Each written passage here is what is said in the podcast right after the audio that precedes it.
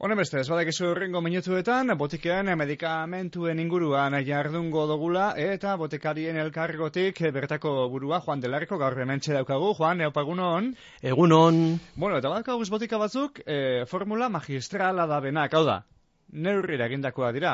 Sastreek jantziak egiten dituen moduan, ba, botikak be neurrira egiten dira orduan, ez? Hori da, formula magistralak edo maizu formulak sendagai pertsonalizatuak edo individualizatuak dira, ezta?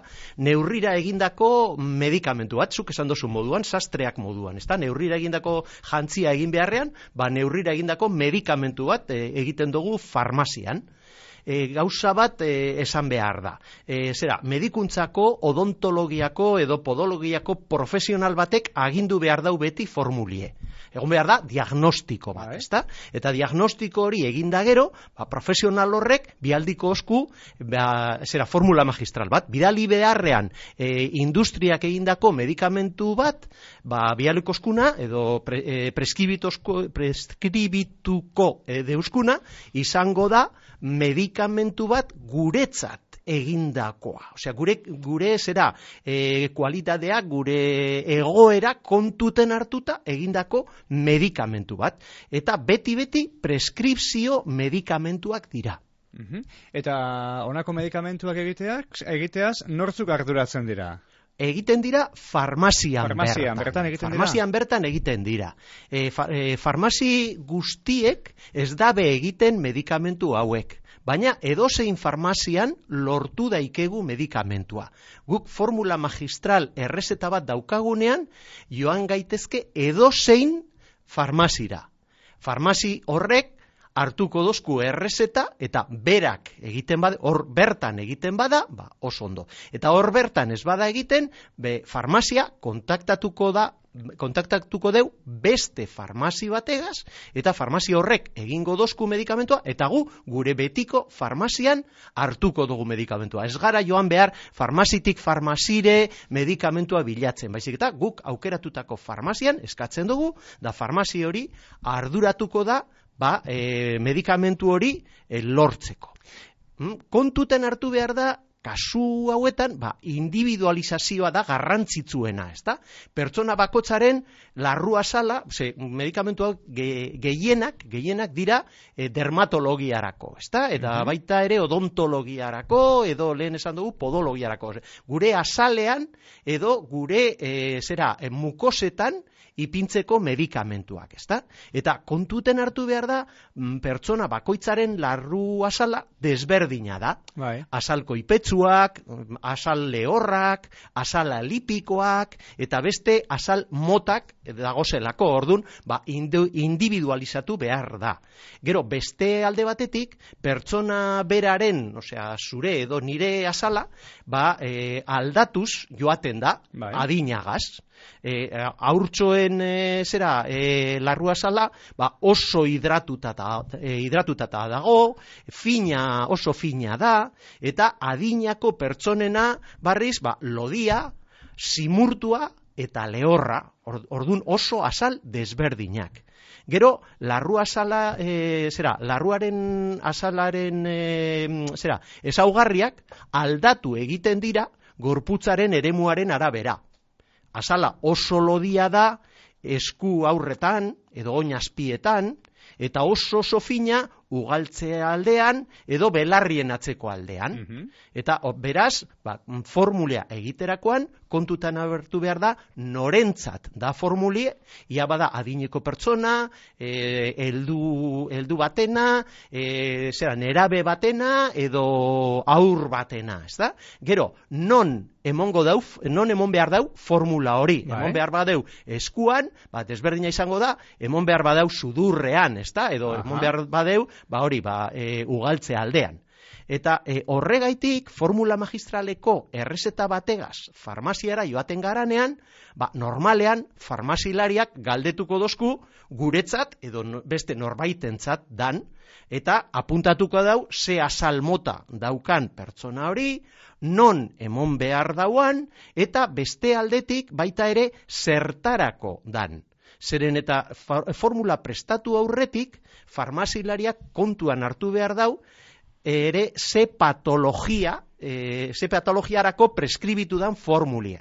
Adibidez, ba, azido erretinoiko duen formula bat, e, izan daiteke e, aknearentzat, eta izan daiteke formula berbera psoriasiarentzat. Mhm, bai. Baina, claro, aknea daukaten pertsonak, ba, zera, asalko ipetsua daukate, eta, e, dekie, eta e, psoriasia barriz oso asal zikua, lehorra eta lodia da. Bai. Beraz, e, formulia guztiz desberdina izan behar da, eta errezetan gauza bera egon alda idatzita. Orduan, farmazilariak galdetu behar dozku, zertarako behar dozun, formulia hau, non emongozun, eta gutxi gora bera, ze adina daukasun, ba, hori ikusten da, Bai. ez da, zuretzat baldin bada. hm?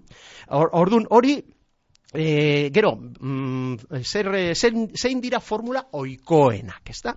Ba, formula oikoenak izaten dira e, kremak edo emultzioak eta gelak. Hau da, formula farmazeutiko erdi solidoak. Ez dira likidoak, ez dira solidoak ere ez. hm?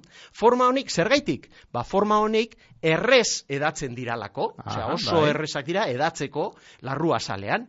Eta eurekin, bebai, ondo kontrolatu daikegula aplikazio eremuraren zara- zabalera. Bai. Likido bat emoten badugu, ba erreza da likidoa mm, em, zera, e, edo nondik joatea eta zera, eta zabaldu egiten da guk, guk ez nahi dugun lekutara Bai. bai, ezta? Baina krema bategaz eta edo gel bategaz aldogu hori zabalera kontrolatu, Bai. ezta? Mhm. Pomadak ere e, erabil daitekez, ezta? Pomadak eta ukenduak. Bai. Baina hoiek koipetsuagoak dira. Produktu bat zenbat eta koipetsuagoa izan, ordun eta hobea larruazal lehorretarako. Mhm.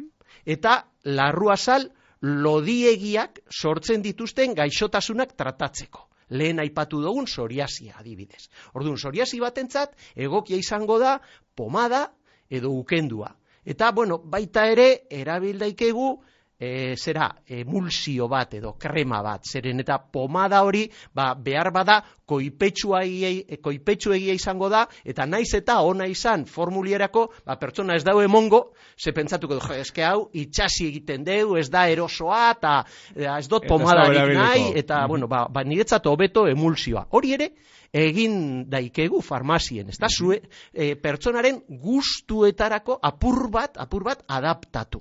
Mhm. Orduan, e, gero, beste aldetik daukagu gelak, ezta? Gelak gardenak dira, eta e, edukia, e, euren edukiaren euneko larogeita mar baino gehiago ura da. Bai. Zelan egiten dira gelak? Ba, gelak egiten dira zelulosakin, zelulosa derivatuekin, edo gomakin, edo azido akrilikoaren derivatuekin, osea, molekula handiekin, ba, moleku, baina molekula handi horiek, ba, uneko bata edo uretan bota, eta orduan gelifikatu egiten da. Guztio dakigu zer da gelifikatu, ez da, loditu. osea, Bai. ura loditu. E, batzuetan, gelak horiek alkola ere e, eroaten dabe. Eta askotan, ipintzen dotzaguna da glicerina. Glicerina pizkatxu bat, eh, euneko bost edo gehien gehienez euneko amar. Glicerina sustantzia organiko kolore gabea eta gardena da, gela moduan, ezta? Eta e, ura bezala, bebai, baina likatzuagoa da. Bai. Eta e, apur bat itxaskorra, eta hori lagundu egiten deu, alde batetik ba ondo edatzeko, eta be bai, ba, itzaskortasun apur bat eukitzeko, ba, hor geratzeko Mhm. medikamentu, Bai. ezta? E, ordun, hoiek gelak, ba, izango dira oso egokiak, azal koipetzuentzat, Bai. edo akne batentzat. Eta emulsioak, esan dugun bezala, ba, izango dira egokiagoak azal zikuarentzat. Bueno, kontrolatu dezakegu, ez da, ze, e, daikegu, ze lehen eta emulsioak koipe eta ur nahazketak dira. Esnea bezala, Bai, bai. edo maionesa bezala, ez da? Ordun, bota daikegu, koipe gehiago, eta izango da, ba, azal ziku batentzat, edo oso koipe gitxi eta ur asko, eta izango da, ba, azal mm, ba, ez dakit, apur bat, koipetsuagoa, Bai. ez da, ez, ez hain zikua. Formulazioen, e, zera, e, emultzioen formulazioikoena krema itxura dabenak dira. Lehen esan dugun, Bai. ez da, semisolidoak. E, eta horiek koipe nahiko eroaten dabe, uneko hogeia, uneko hogeita marra, baina lozioak ere erabiltzen dira. lozioak, ba, esnea moduan, Mhm, ezta? bai.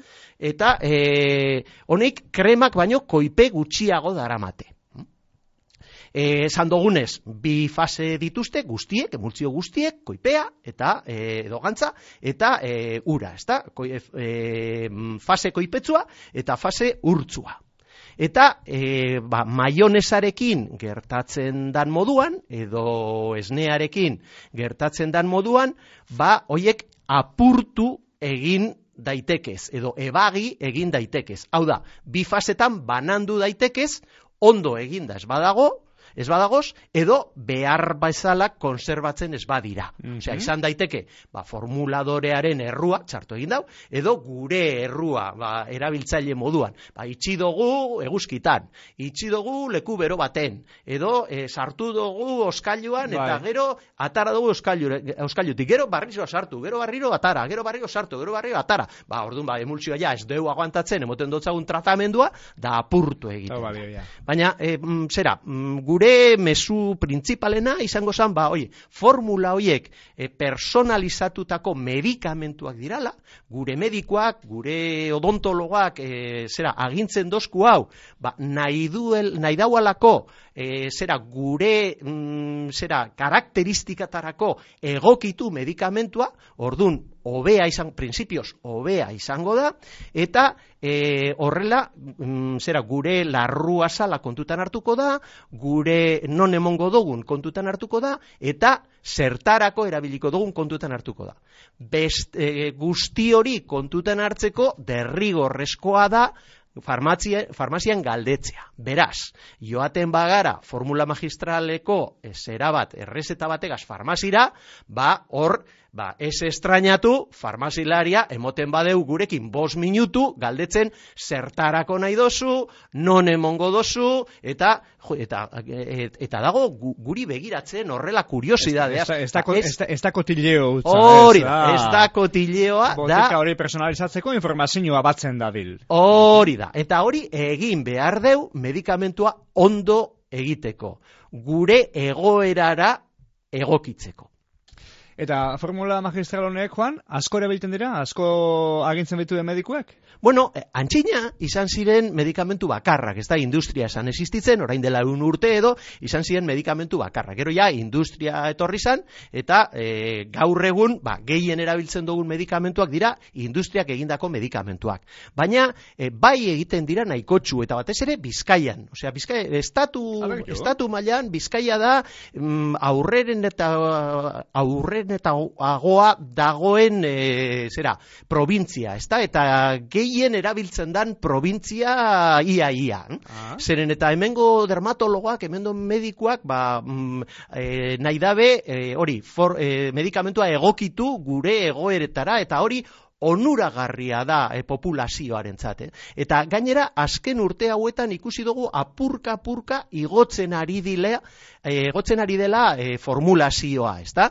E, noski, ez da inolaz ere e, majoritarioa, eta batez ere esan dugun moduan, erabiltzen da larrua saleko gaixotasunak tratatzeko. Bai beste, mm, zera, gaixotasunak tratatzeko ere, baina gehienak dermatologiarako e, erabiltzen dira. Barri eta barri, Juan Delarko, mila eskerri informazio guztia hau emotea gaitipai, datorren astean gehiago. Hori da, datorren astean gehiago. Ondo ospatu aratuzteak. Saiatuko gara, ondo pasa.